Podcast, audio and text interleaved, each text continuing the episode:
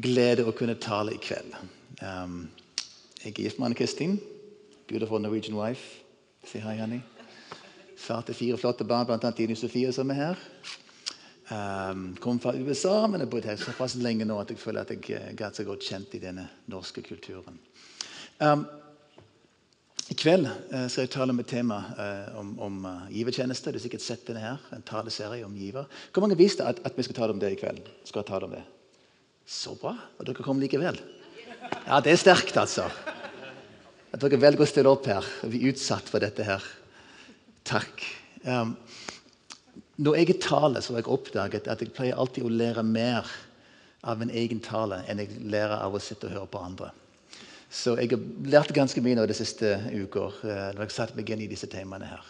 Og jeg opplever Det er veldig godt, fordi det er et, utfordrende tema å snakke om. Dette med eh, overgivelse, det med penger, de tingene der. Og, og, jeg vil at du skal bare forstå det, at disse tingene som jeg òg jobber med, som er viktige for meg, som utfordrer meg, men jeg likevel tenker dette er knallviktig. Dette er så sentralt i alt vi, vi har det livet vi lever som etterfølger av Jesus.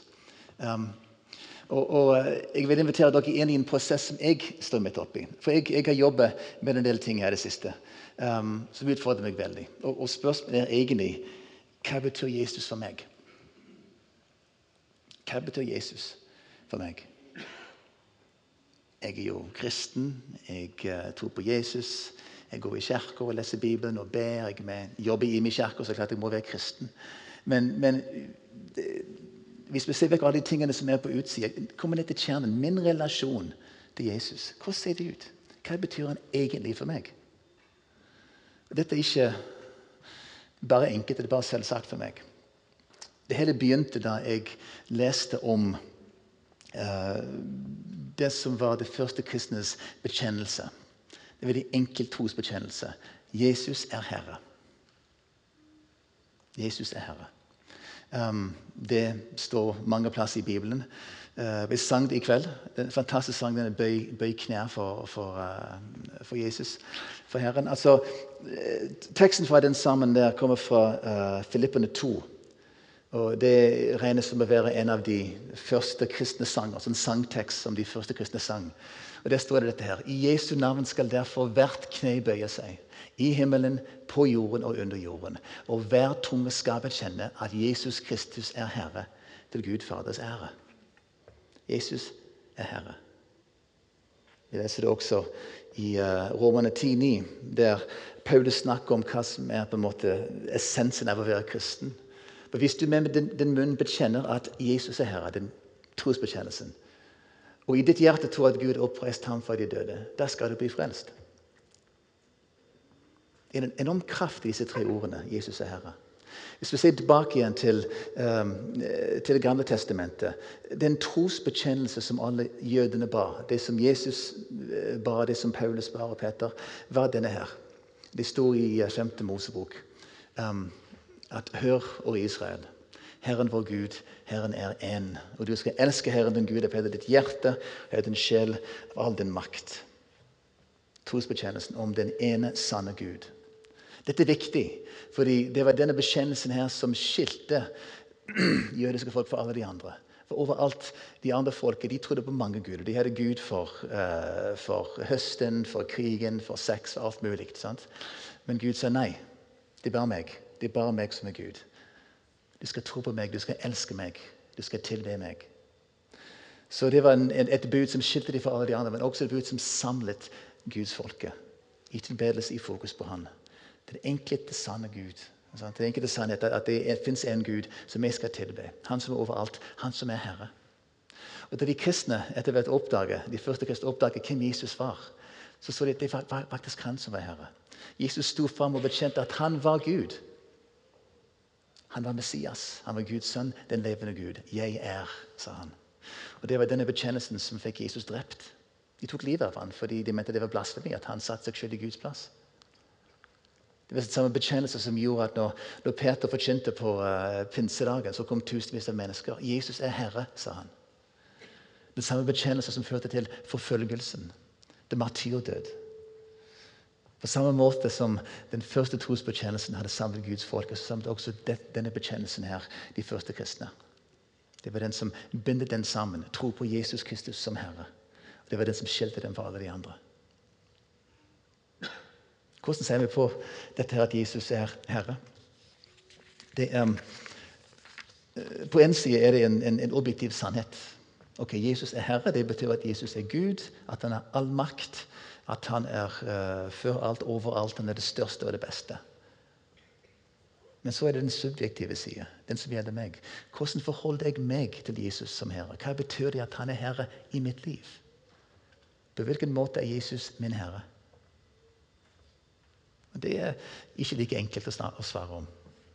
Det er det som har fått meg inn i en, en prosess nå, for å finne ut mer og mer av dette. her. Hva betyr det at Jesus er min Herre, ikke bare Herren?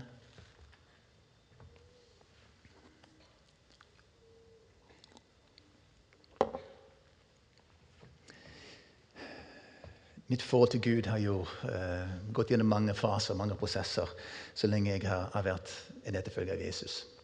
Um, jeg leste disse ordene fra uh, Jesaja 9 nå, som uh, Det er en, en, profeti om at Messias kom.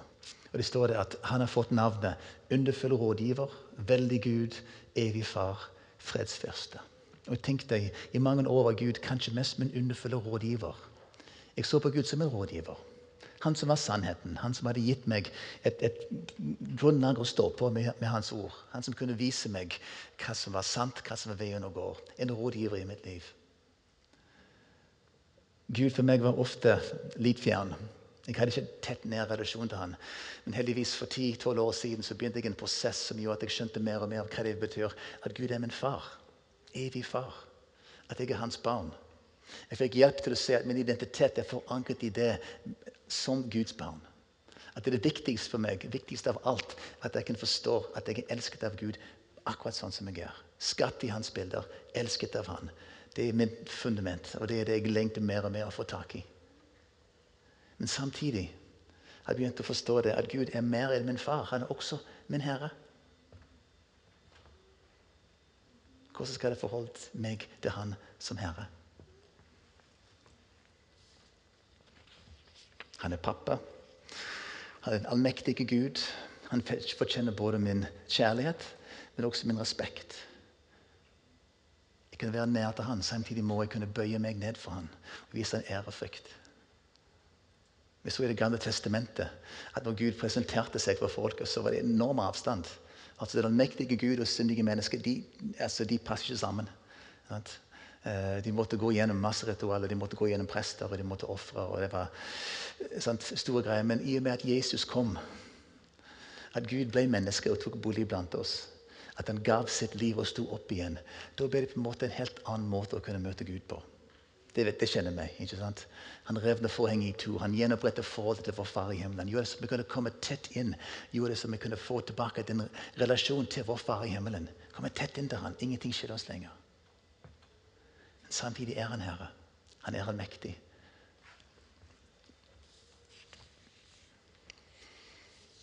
Når vi snakker om tilbedelse, så er det egentlig det vi snakker om. Tilbedelse er å uh, sette Gud på førsteplass i vår liv. Det vi tilber, er det vi har på førsteplass i vår liv. Så når vi tilber Gud, det er ikke bare en sang, det er ikke bare ord, men det er faktisk vår livsholdning til den allmektige Gud. I tilbedelsen kan vi både stå der og, og, ta imot hans kjærlighet og gi tilbake igjen den ære og respekt som han, han fortjener. Fantastisk sang. Sant?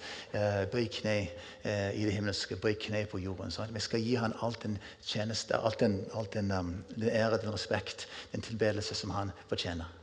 Det er hjertet i tilbedelse. At han er Herre. At han er på førsteplass i vårt liv. Men dette utfordrer oss veldig også. Fordi det samfunnet vi lever i, er et veldig individualistisk samfunn. Det er jeg som er i sentrum. Det er mine behov, mine preferanser, min tid, min selvrealisering. Det er det som er det viktigste hos oss. Og I et sånt samfunn vil religion fort bli hva kan det gi til meg? What's in it for me? Hva er det som er uh, i evangeliet som passer meg? Og faren er for dette her, folkens, at når vi forstår Gud som min far og jeg som hans sønn, så kan jeg stoppe der. For jeg kan be for all den kjærligheten og godhet jeg får. Det handler om meg, om mine behov, om min tilfredsstillelse. Den første sang eh, vi sang her med sant, denne her, um, eh, The overwhelming, never-ending, reckless love of God. Sant, som elsket meg, som, for, uh, som uh, forlot de 99 for å ta tak i meg og frelse meg og elske meg. Fantastisk. Og det er sant. sant? Um, You're a good, good father. That's who you are. And I'm loved by you. That's who I am. Det er sant. Det er fantastisk. Det er grunnfjellet vi står på, at vi er Guds barn. Men fakta er hvis det stopper der, så vi mister poenget med det hele. Vi er elsket for å elske. Og Vårt første kall er ikke å bli elsket av Gud, men til å elske Han. Fordi Han elsker oss, skal vi elske Han tilbake igjen. Derfor sa Jesus det første budet var du må elske Herren din Gud av hele ditt hjerte, hele din sjel, av din forstand og din makt. Folk har er til å elske Gud med den kjærligheten Han har gitt oss, og så å elske vår neste som oss sjøl. Ser vi det? Ja, han er min far. Jeg er elsket. Men så går det videre. Så fortsetter det. Pga. den kjærligheten vi har fått, skal vi få lov til å ære han, tilbe han, elske han og elske vår neste.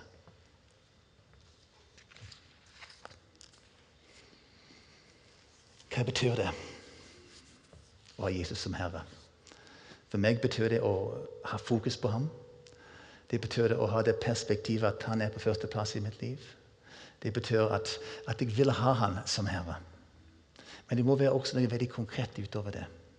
Ikke bare en holdning, men også en praksis. Hvordan ser det ut i hverdagen å ha Jesus som Herre? Jeg tenker Det er to ting som er viktige her, eh, som jeg tenker på. Det første er tiden.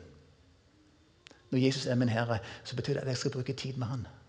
At jeg skal søke Han, jeg skal være sammen med Han og få tak i det som Han har for meg. Bønn, Bibelen, alenetid med Han.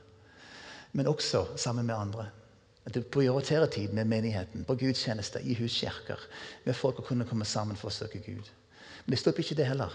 For Hvis Jesus er Herre, så er han Herre over hele mitt liv. Hver dag i uka. Jeg må ha tid til Jesus overalt der jeg går. Jeg må ha det fokuset at han er med meg når jeg går i butikken, når jeg er med naboene. når jeg, Uansett hvor jeg er. Han er der. Han er min Herre. Og jeg vil være med på det som han gjør. Jeg vil at han skal være Herre, at han skal ha det største, eh, det meste å si. Jeg vil at han skal være um, den som har siste ordet. Jeg vil forstå hva han vil, og være med på det som han gjør. Ser vi det? Så tiden å være der og bruke tid på han og prioritere han må være det hvis han skal være her i mitt liv. Så det andre tinget er penger. Og Her det blir utfordrende for oss alle. Jeg vet at penger er eh, en utfordrende tema for mange. Det er en privatsak, litt ømt punkt. Jeg vet at Ofte når det snakkes om penger i kirke, så kan en del folk få piggene ute. Og det forstår jeg veldig godt. For hva er penger egentlig? Altså Penger representerer alt vårt arbeid, vår strev, vår utdannelse. Alt vi har gjort nå for å kunne kjenne til livets opphold. Penger er ikke bare penger, men penger er det jeg har fått for alt jeg har brukt. Ikke sant? Penger representerer eh, mitt livs verk. Penger også representerer tryggheten. Fordi jeg har spart opp, jeg tenker framtida, jeg vært ansvarlig. Vi må ha det også. Eh, penger er den trygghet vi har for å sørge for at vi, vi har nok for oss og for, for, for barn og for, for framtida og for pensjonisttilværelse. Det er klart det er viktig med penger. Men spørsmålet er hvilken plass har penger i forhold til Gud?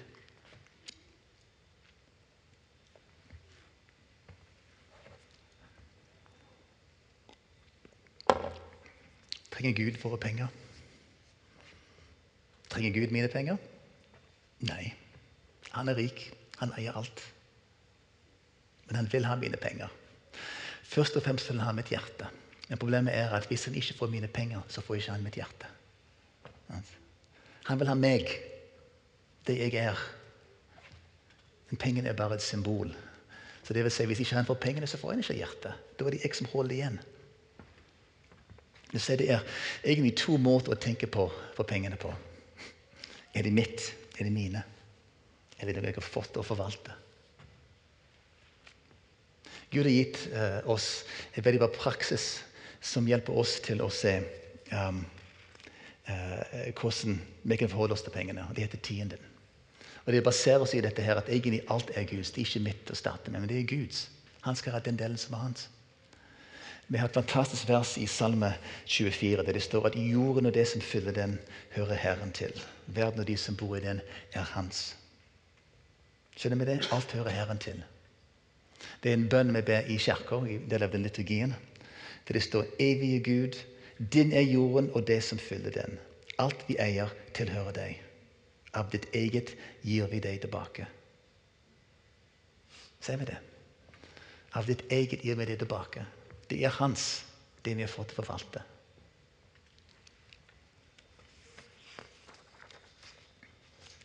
Det med tienden var et, eh, et bud for uh, folk i Det gamle testamentet. De fikk klar beskjed at 10% av alt de fikk, skulle gis tilbake til Gud. Det var 10 av, av uh, uh, det de dyrker, av um, dyrene, av gull. Alt sammen. De skulle gi tilbake igjen til Gud. Og Det var ikke bare det som var igjen, det var førstegrøten. Det første som kom, var det vi skulle gi tilbake til Gud. Der de hadde innhøstingen, den første 10% det gikk til Gud. Det står at alt som åpnet livmora, skulle være til Gud. Så når en sau fikk sitt første lam, skulle den ofres til Gud. Ser vi det? At det første og det beste, det var Guds. Det var sånn som de var. Og dette lærte de for en praksis for å kunne de forstå um, at det var Gud som fortjente det. I Det nye testamentet så ble det ikke et lov, et bud. Da Jesus døde på korset og sto opp, så, uh, så um, oppfylte han budene. Så Da var det egentlig ikke noe de måtte gjøre. Men de levde i det. Det var en praksis som både Jesus og disiplene og Paulus praktiserte. De gav tienden. Det var det de gjorde. Men vektlegget i Det nye testamentet var ikke på dette du må på budene, men det var med hjertet som lå bak. Paulus skriver i 2. Korintene 9,7.: Enhver skal gi det han har bestemt seg for i sitt hjerte, ikke med ulyst eller av tvang, for Gud elsker en glad giver. Skjønner vi det? Poenget var å kunne gi tilbake igjen det som var Guds. Hvis pengene er mine, først og fremst, så kan jeg velge å gi noe til Gud. Sant? Ok, Gud, takk for at jeg har fått så mye. Her skal jeg gi litt tilbake igjen. Det er jeg som ta initiativ og gi noe av mitt til Gud. Men hvis tanken er at alt jeg har, er en gave fra Gud, så er det takk, Gud. Sant? Alt jeg har fått, er hans. Den 10 det er bare den første. Den, den, den er din. Sånn? Det er et symbol, en, en, en, eh, et tegn på at alt er ditt. Du bare tar ti, de, de, første 10% den tiden som var der. Og så får jeg lov å disponere 90 Jeg syns det er en ganske bra deal. Sånn. Jeg får 90, han får 10. Men igjen, den 90% er heller ikke for meg. Den 90 handler om jeg har fått noe å forvalte og gi videre. Både for å ære Gud og kjenne min neste. Ser vi det? Altså, En tiende, når vi snakker om dette her, har egentlig tre sider med det. For Det første er det å, å elske og ære Gud. Det er et tegn på at Gud, du er på førsteplass. Og Det står i um, uh, The Living Bible, oversatt til norsk fra 5. Mosebok, at hensikten med tienden er å lære dere til alltid å sette Gud først i deres liv. Så Poenget med den tiende var et symbol. ok, Gud, du er på førsteplass. Dette er ditt. Alt er ditt. Men jeg gir denne her som en, en, en bevis på det. At jeg vil at du skal være på førsteplass i mitt liv. Tienden er også med for menighetens del, for å støtte menigheten. Dette var praksis som gjorde at de kunne ha hele dette tempeltjeneste, tempelverket, som fantes både i Jerusalem etter hvert og rundt omkring i landet. Fordi det var en hel stamme altså levitene, som ikke skulle jobbe, de skulle bare kjenne Gud. Og de andre elleve stammer de skulle gi tienden slik at de kunne gjøre det. Så det var en veldig praktisk ordning. Så pengene gikk til tempelet, til de religiøse lederne i landet for å kunne støtte det. Og i også i dag så er tienden med som gjør at vi kan ha en menighet her. Det er mer som, som gjør at vi kan ha dette huset og, og de arbeidet som vi gjør, fordi våre folk gir, gir raust for at de pengene kan være med og, og velsigne andre. Så tienden har en veldig praktisk betydning også. Men tienden er også noe som er godt for meg. Det må vi ikke glemme. Det er ikke bare et offer. Det er ikke bare en surgreve. Vi får mer igjen enn det vi gir. Det er mange løfter knyttet til det. At når vi gir, så får vi igjen. Jeg leser dere disse versene her. da. Uh, Apostelgjerningen 20. Hvis du husker de ordene Herren Jesus selv sa. Det er saligere å gi enn å få. Og for ordspråkene 11. En strør ut og får mer igjen. En annen er gjerrig og endrer i fattigdom. Det er ganske bra. Ser du det? Når vi strør ut, når vi gir, så får vi. Når vi holder fast på det vi har, så kan vi få et ende i fattigdommen. Og så som Jesus sa i Lukas 6.: Gi, så skal dere få. Et godt mål, sammenristet, stappet og breddfullt skal dere få i fanget. For i det målet dere selv måler med, skal de også måles opp til dere. Så det å gi betyr at vi skal få igjen. Det å være rause betyr at vi skal være med og dele fram og tilbake. Sant? Det er ikke bare mitt. Alle er rikere når alle gir. Det er en prinsipp i Bibelen. Men det er også noe som fører til friheten. Altså Det å gi tienden gir oss en helt annen frihet i forhold til det vi har. Jeg tror at materialisme er en av de største utfordringene vi har i vårt samfunn i dag. De binder oss, de gjør oss ufrie. For de blir så opptatt av å få og ivareta det vi har. Vi bruker veldig mye energi på dette. her. Og faktisk er at vi alltid sammenligner oss med de som har mer enn oss. Har du tenkt på det? Hvor sprøtt det er? At vi som lever på toppen av verden her, i verdens rikeste land, istedenfor å tenke at vi har mer å rutte med enn 98,9 prosent av verden, så ser vi på den 1% eller promille som har mer enn vi har. Som kjører en finere bil, eller har et større hus, reiser på en flottere ferie. Sant? Vi er aldri fornøyd. Jeg er aldri fornøyd. Klart jeg ikke det. Jeg en test sånn som Harald har, men jeg får ikke det. det er klart, vi ser alltid etter noe mer. Vi strekker oss etter noe mer. Sant? Ser du, skal jeg mer, kan vi ta opp lånet, kan jeg få det til? Det blir et krav og en mas. Men de binder oss. Etter det beste medisin, det beste motgift på materialisme er såpass enkelt. Det har noe å gi. Vi forstår at nei, det er ikke mitt som jeg må ta vare på og forvalte og få mer. og sånt. Det, det, det er Guds. Ok, Men da kan jeg være fri med det. Jeg kan ta imot det jeg kan bruke. Selvfølgelig, Vi skal ta velsignelse, vi skal bruke penger på kjekke også. Jeg snakker ikke om at vi skal være sånn asketer som gir alt vekk til det fattige. Altså Det handler om å leve i denne velsignelsen Gud har gitt oss, men sørg for at det ikke binder oss. At det ikke er meg det handler om. Jeg skal være en ansvarlig forvalter av det som Gud har gitt meg. Men så kommer andre til gode, ikke bare meg. Så er det så, så når, vi, når, vi, gir tiden, det er både for å gi ære til Gud og, og velsigne menigheten, og andre, men samtidig å sette meg fri fra den bånd som er så ofte det som knytter meg i forhold til pengene. Du som kjenner seg igjen? Jeg iallfall. Jeg vet jeg taler til meg nå også. Jeg vet at det å gi tienden kan være veldig utfordrende for mange. Hvis du ikke har gjort det før, hvis du ikke har vokst opp med det, har en kultur for det, så kan det virke helt sprøtt. Altså, det er ikke logisk i verdens øyne. Det er ikke fornuftig å gi vekk 10% av pengene. Sånn? De fleste i dette landet klarer ikke klarer neppe å leve med 100% av sin inntekt. Vi har så mye gjeld og utgifter. Skal vi da klare med 90 En liten sånn praktisk tips. Hvis du, har, hvis du ikke, er med å gi nå, så prøv ikke Det er sikkert utfordrende bare begynne på tid. Finn ut hvor mye du har råd til å gi. Kan jeg gi 2 kan jeg gi 3% Kan jeg klare meg med det? Så start med det og begynn å gi regelmessig. Etter hvert øke på. Øke på. 10 er ikke en, en begrensning, et tak. Det er et utgangspunkt. Men en god, god, praksis. For oss er det ikke lov. Her i menigheten er det ingen forventning, men en god bibelsk praksis som er godt både for oss og for menigheten. For fakta er at Jesus vil velsigne oss. Jesus vil use utover oss på mange plan. Altså Det er snakk om overflod. Det er et viktig prinsipp i Bibelen. For noen uker siden snakket jeg om, om uh, Jesus som, uh, som, tok disse to fisk og fem brød til disiplene og gav mat til flere tusen mennesker. Og Poenget var etterpå var det tolv store korg igjen med mat som rester. Sånn? Når Jesus gir, er det ikke bare for å møte behovene, men han gir i overflod. Han er rause. Det skal være mer enn det vi trenger. Jesus sa, 'Jeg har kommet for at dere skal ha liv og overflod'. ikke det er bra? Han vil velsigne oss. Han er raus. Han vil at vi skal ha alt vi trenger, og mer. Dette beger flyter over, står det i Salve 23. Sant? De renner over. Det er mer enn nok. Når jeg tenker på overflod, så tenker jeg fort på klesskapet mitt hjemme. Sant? Jeg tenker på loftet og på boden. Og så kommer, vi har så mange ting. Sant? Mye mer enn vi trenger. Men, men, men fakta er at det egentlig ikke alt det som jeg har hjemme hos meg, som egentlig gir overflod.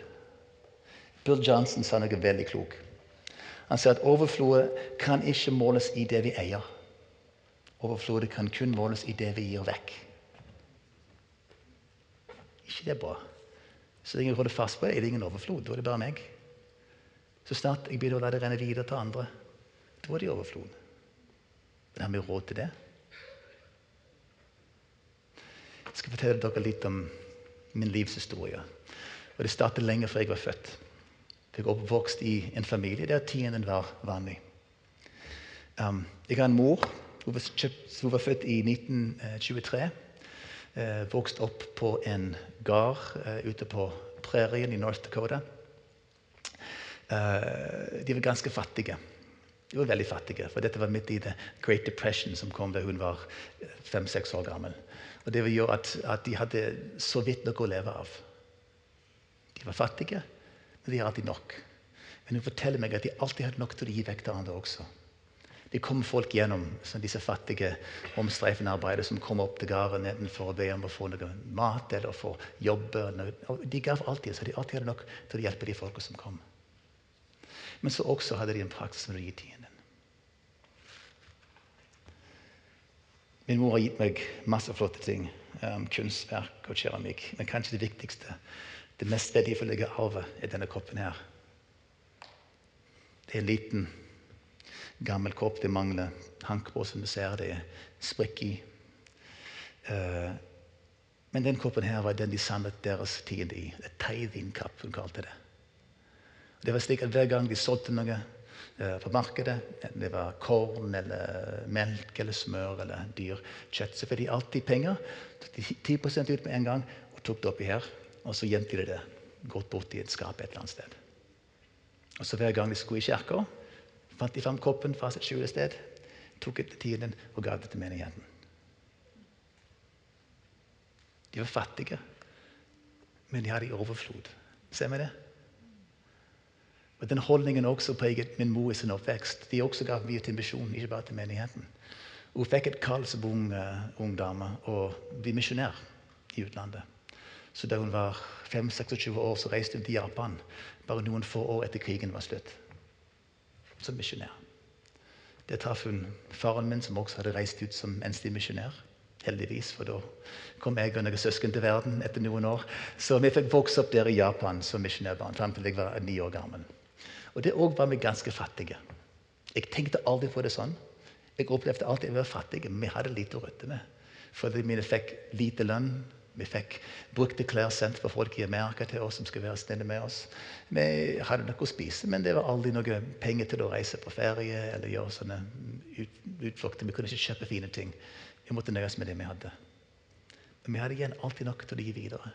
For mine foreldre også ville alltid gi tienden av fattige det de fikk. Vi reiste til USA da jeg var ni år. Og Menighetens kultur er jo preget av tienden. Hvis du hadde vært i en amerikansk kirke før, så sier de at alle gir sin tithes. Sant? Til og med i fattige strøk inni gospelmenigheten i Los Angeles. Jeg har vært det noen ganger. Det er fantastisk å se på. Sant? Her er det folk som kommer eh, de lever i fattigdom, men de har på sine fin stas på søndag. Kommer til kirka. Og så er det tid for the Sant? Og så spiller de musikk, og folk danser og spiller på tamburin og går fram og legger sin konvolutt oppi. Sant? Det er i kåren. Det er den tiden. Det er samlet opp, det skal de til kirka. Og de gjør det med stolthet. Alle er med å gi tienden. Det er klart, De må gi tiden, fordi menigheten lever i kjærlighet. Det er ingen statsstøtte i USA. Her i Norge er det et annet, men der borte er de helt avhengig av at folk gir. Så de gir. Men ikke bare teamet, skjønner du. For etterpå etter hvert kommer det en ny kollekttale. Og nå skal de være med å velsigne noen som skal gjøre et eller annet, eller, eller ta penger til de som er fattige, eller det er arbeid for narkomane. Så nå er det time for the offerings. Så er det mer gospelmusikk og tambrin. De kommer fram og legger mer penger opp. Nå er er ofre. Først er de 10% og så er de overskudd. Det er mer de skal gi. For de vil velsigne andre. Så jeg er vokst opp med denne kulturen her i USA. At man gir tidene til menigheten. Sånn er de bare. Sånn må, må man gjøre. Jeg må innrømme at da jeg kom til Norge, så uh, tok jeg ikke med meg den praksisen.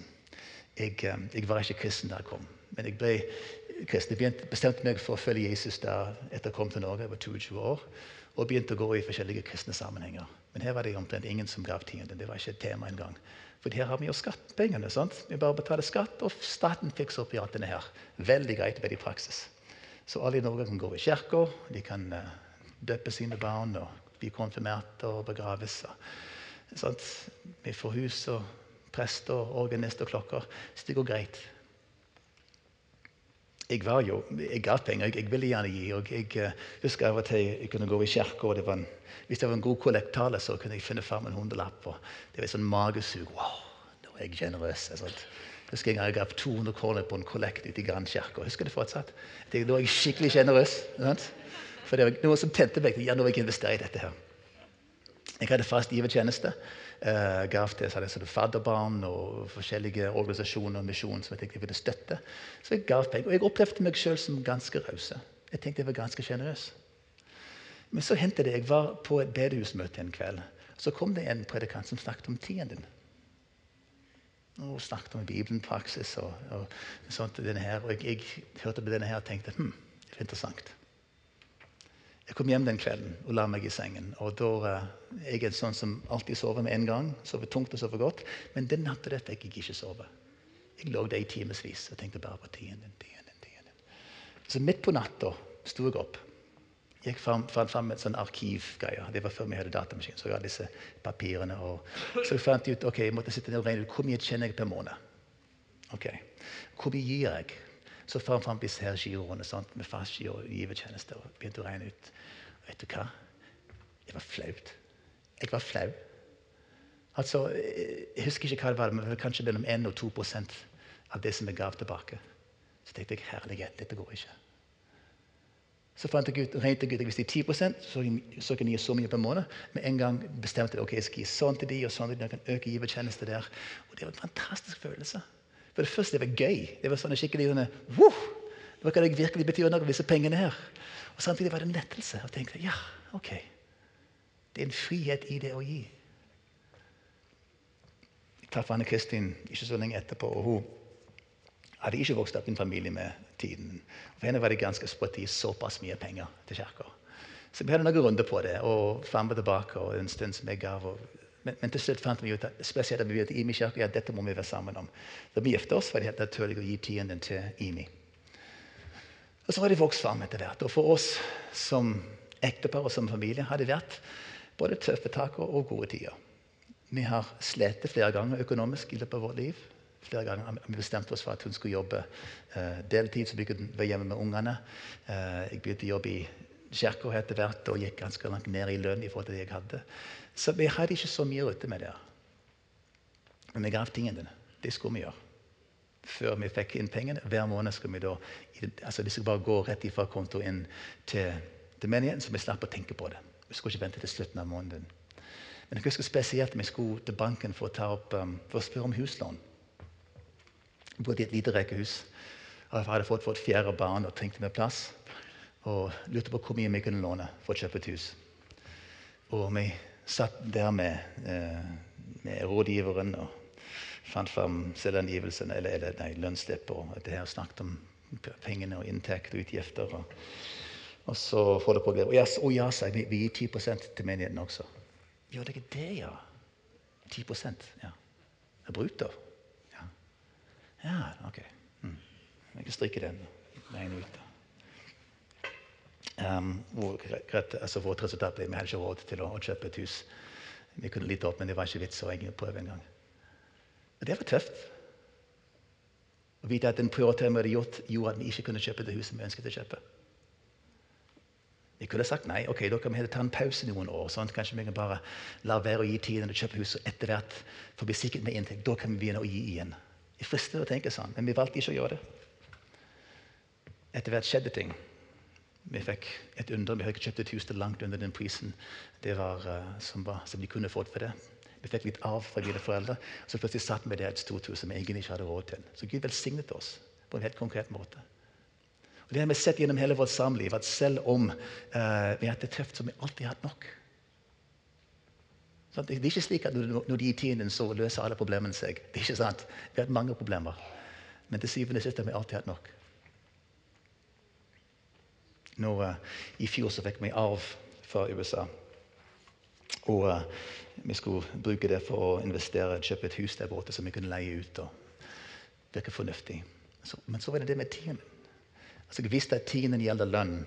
Men hva med arv? Gjelder det arv òg? Kan vi slippe å gi tiende på arv, tenkte jeg. Så gikk det en stund, og skjønte jeg nei, det, nei, det stemmer ikke. Vi må gi 10 der også. Og det koster noe. Sant? Det gjør absolutt det. Vi må senke litt. Okay, Ikke så mye penger som vi trodde. Men jeg må bare bekjenne dette her, at jeg har en frihet i forhold til pengene våre som er så deilig. For det er ikke mitt. Jeg har fått å disponere det. Og jeg har sett at når vi følger disse prinsippene her, så funker det. Det går bra. Hvorfor sier jeg dette her? Ikke for å skryte. Jeg vet det er kanskje litt amerikansk å stå fram og snakke om sånne ting som dette her. Men også sist uke snakket Martin om, om, om deres praksis. Eh, og jeg tenker Det er viktig for oss å være åpne og ærlige om dette. her. Jeg ønsker å være et forbilde. Jeg ønsker å vise at det går an. Jeg ønsker å utfordre dere til å gjøre det. Nå er det slik at Jeg forventer ikke at dere skal fortelle meg hva dere gir. Jeg vil ikke vite det. Jeg tenker Det er helt greit at det er en sak mellom deg og Gud. Og de fakta er Her i menigheten så er det ingen av oss i ledelsen som vet hva folk gir. Det er bare han Eivind der på, på uh, Ja vel. Han vet det. Utenom han er det en sak mellom deg og Gud. Sant? Og Det er viktig her også. Vi vil ikke presse noe. Vi vil ikke vite hvor mye folk gir for enten kunne eh, være litt ekstra glad i folk som gir mye, eller litt sinte på folk som gir for lite. Vi skal ikke preke det. Dette er en sak mellom deg og Gud. Det er også slik at ingen skal oppleve at de presser til dette her. Altså Dette med givertjeneste skal være noe vi gjør med glede, fordi vi har lyst til. Så hvis du sitter her og tenker øh, Ikke gjør det. Ofte er det slik at vi må spørre altså hvor mye må vi gi. Jeg hadde flere samtaler med folk som spurte om ja, skal de gi på ja, brutto eller, eller netto. og sånt. Hvor mye må vi gi? Sånn, må vi, så, som om det var en krav. Men det er ikke det. Dette må komme fra hjertet. Dette må være av, av lyst, ikke av tvang. Det må være den måten å si Gud, jeg vil bare ære deg med det jeg har fått.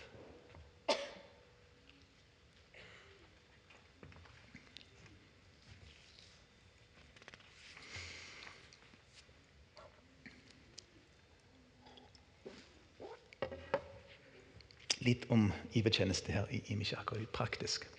Um, som de fleste her vet, Imi-kirken får ingen offentlige midler til menighetens drift. De fleste menigheter i Norge får det, vi får ikke det. Og det syns jeg er faktisk veldig greit. Det er nesten litt ironisk at eh, en av de menighetene i dette landet her som har største ressurser, største hus og stab og, og årsbudsjett. Eh, masse å gi misjon i utlandet og, og, ditt og datt. Er en av de få menigheter som ikke får støtte. Og jeg tror ikke det er tilfeldig. Jeg tror det er nettopp, fordi at våre folk har skjønt at skal det være en menighet her, så må jeg ta ansvar for det. Det er våre greier. Ingen andre skal betale for denne, dette huset. her. Det er vi som betaler for det. Og Når vi snakker om givertjeneste, så vil jeg egentlig ikke be noen å gi en gave til IMI. Så det er ikke det det går på. Hvis du hører til her, så skal du ikke gi en gave.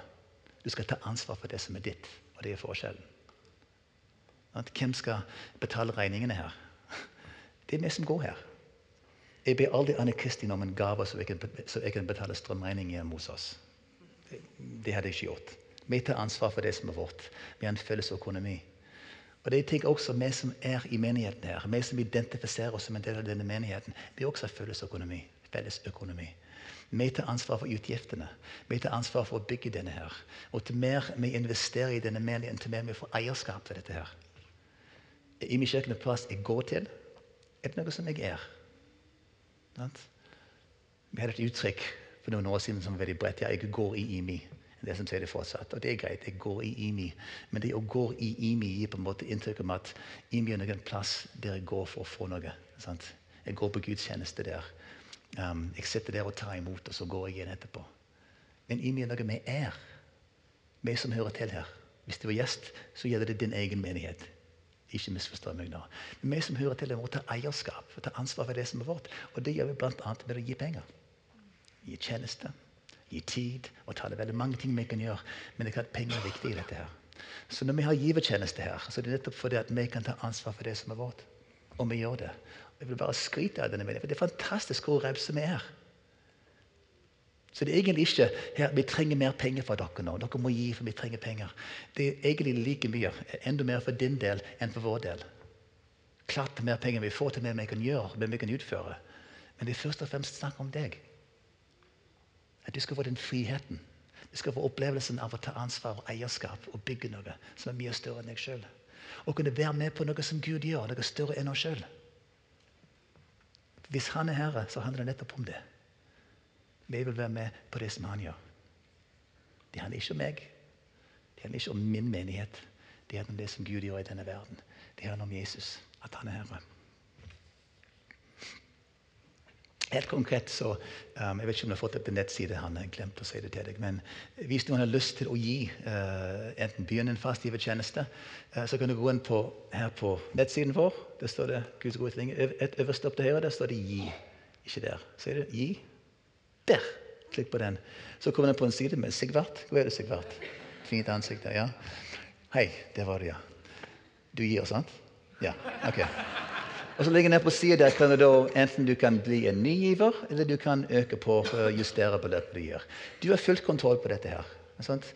Det vil si at, at du kan endre på det, stoppe det, starte det, øke det, minske det. Men du gir beskjed og her til hva du vil gjøre. Um, litt morsomt. I dag tidlig så satt jeg og Kristin uh, hjemme før jeg skulle komme og ta det på G11. Og de slo meg du, Hva er det sist vi, justerte givertjenesten vår? Gir meg tiden din? For jeg, som Sist vi opp, oppjusterte for en stund siden, så tok vi godt i. Gikk litt over den 10% så jeg regnet med vi var fortsatt i en god gang her. Men så eh, gikk jeg inn og fant fra lønnsleppet og begynte å regne ut. Og så kom jeg og tenkte ops, vi må faktisk opp, oppjustere. Så i dag tidlig gikk jeg inn her også, og nå har vi justert opp. Så det kan være en liten utfordring til dere andre også. Eh, hvis det er lenge siden sist du regnet ut kom mye du skulle gi til menigheten, så kan det være en tid for en oppjustering.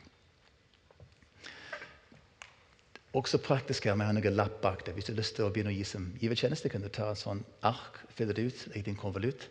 Det står på et bord bak der ved siden av veksepulten. Men jeg vil ikke avslutte med dette her. Det er egentlig ikke penger det handler om. Det er egentlig ikke våre penger det handler om. Det handler om våre liv, vårt forhold til vår Gud, vår pappa og vår Herre. Det handler om overgivelse. Det handler om det at det er han som er på førsteplass, og ikke meg sjøl. Som jeg sa, Gud trenger egentlig ikke mine penger. Han vil ha mitt hjerte. Men for å få mitt hjerte må han også få pengene mine. Lovsangstime. Kan gå opp? Vi skal bruke litt mer tid um, i tilbedelse og lovsang. Og jeg vil utfordre dere også til å bare komme til Gud og spør på hvilken måte kan du være her i mitt liv. Som hørte det skal være bønn- og fasteuke som kommer nå. Bønn- og fasteuke. Veldig god måte eh, å prioritere Gud og legge Han på førsteplassen. Bruke tid med ham, Gi opp noe for å kunne få bruke mer tid på det viktigste. Um, jeg kan også nevne en ting praktisk. At uh, Vi har noe som heter aktive valg her i menigheten. Et kurs for dere som vil få uh, kontroll på økonomien. Sånn som de sier det at uh, Hvis ikke vi tar kontroll på økonomien, så vil de ta kontroll på oss. Så det å gi tienden bare så det er sagt, det er ikke slik at du bare gir 10 så løser alt seg. Det krever at vi er ansvarlige med vår pengebruk også. Med våre valg, med våre investeringer, vårt forbruk. Så uh, inviterer deg til å ta dette på alvor. Uh, begynne å jobbe med det og tenke hvordan Gud kan jeg få gi så mye som mulig til deg. Hvordan kan jeg sørge for at det som gir meg, skal få komme andre til gode, ikke bare meg. Skal vi reise oss? Kjære far, takk for at du er en god far som elsker dine barn og elsker å gi gode gaver til oss. Takk at vi er så utrolig velsignet. At vi får eh, nok til å gi videre. Vi får overflod, Gud. Og takk også at du er Herre. Gud, bare si at Vi ønsker å ha deg på førsteplass i vårt liv, i mitt liv. Må du vise oss må du vise oss hvordan uh, vi kan komme enda nærmere deg. Hvordan vi kan få uh, legge våre liv i dine hender. Hvordan vi kan følge etter deg og la deg være på førsteplass i livet, Gud. Tilbe deg, Gud.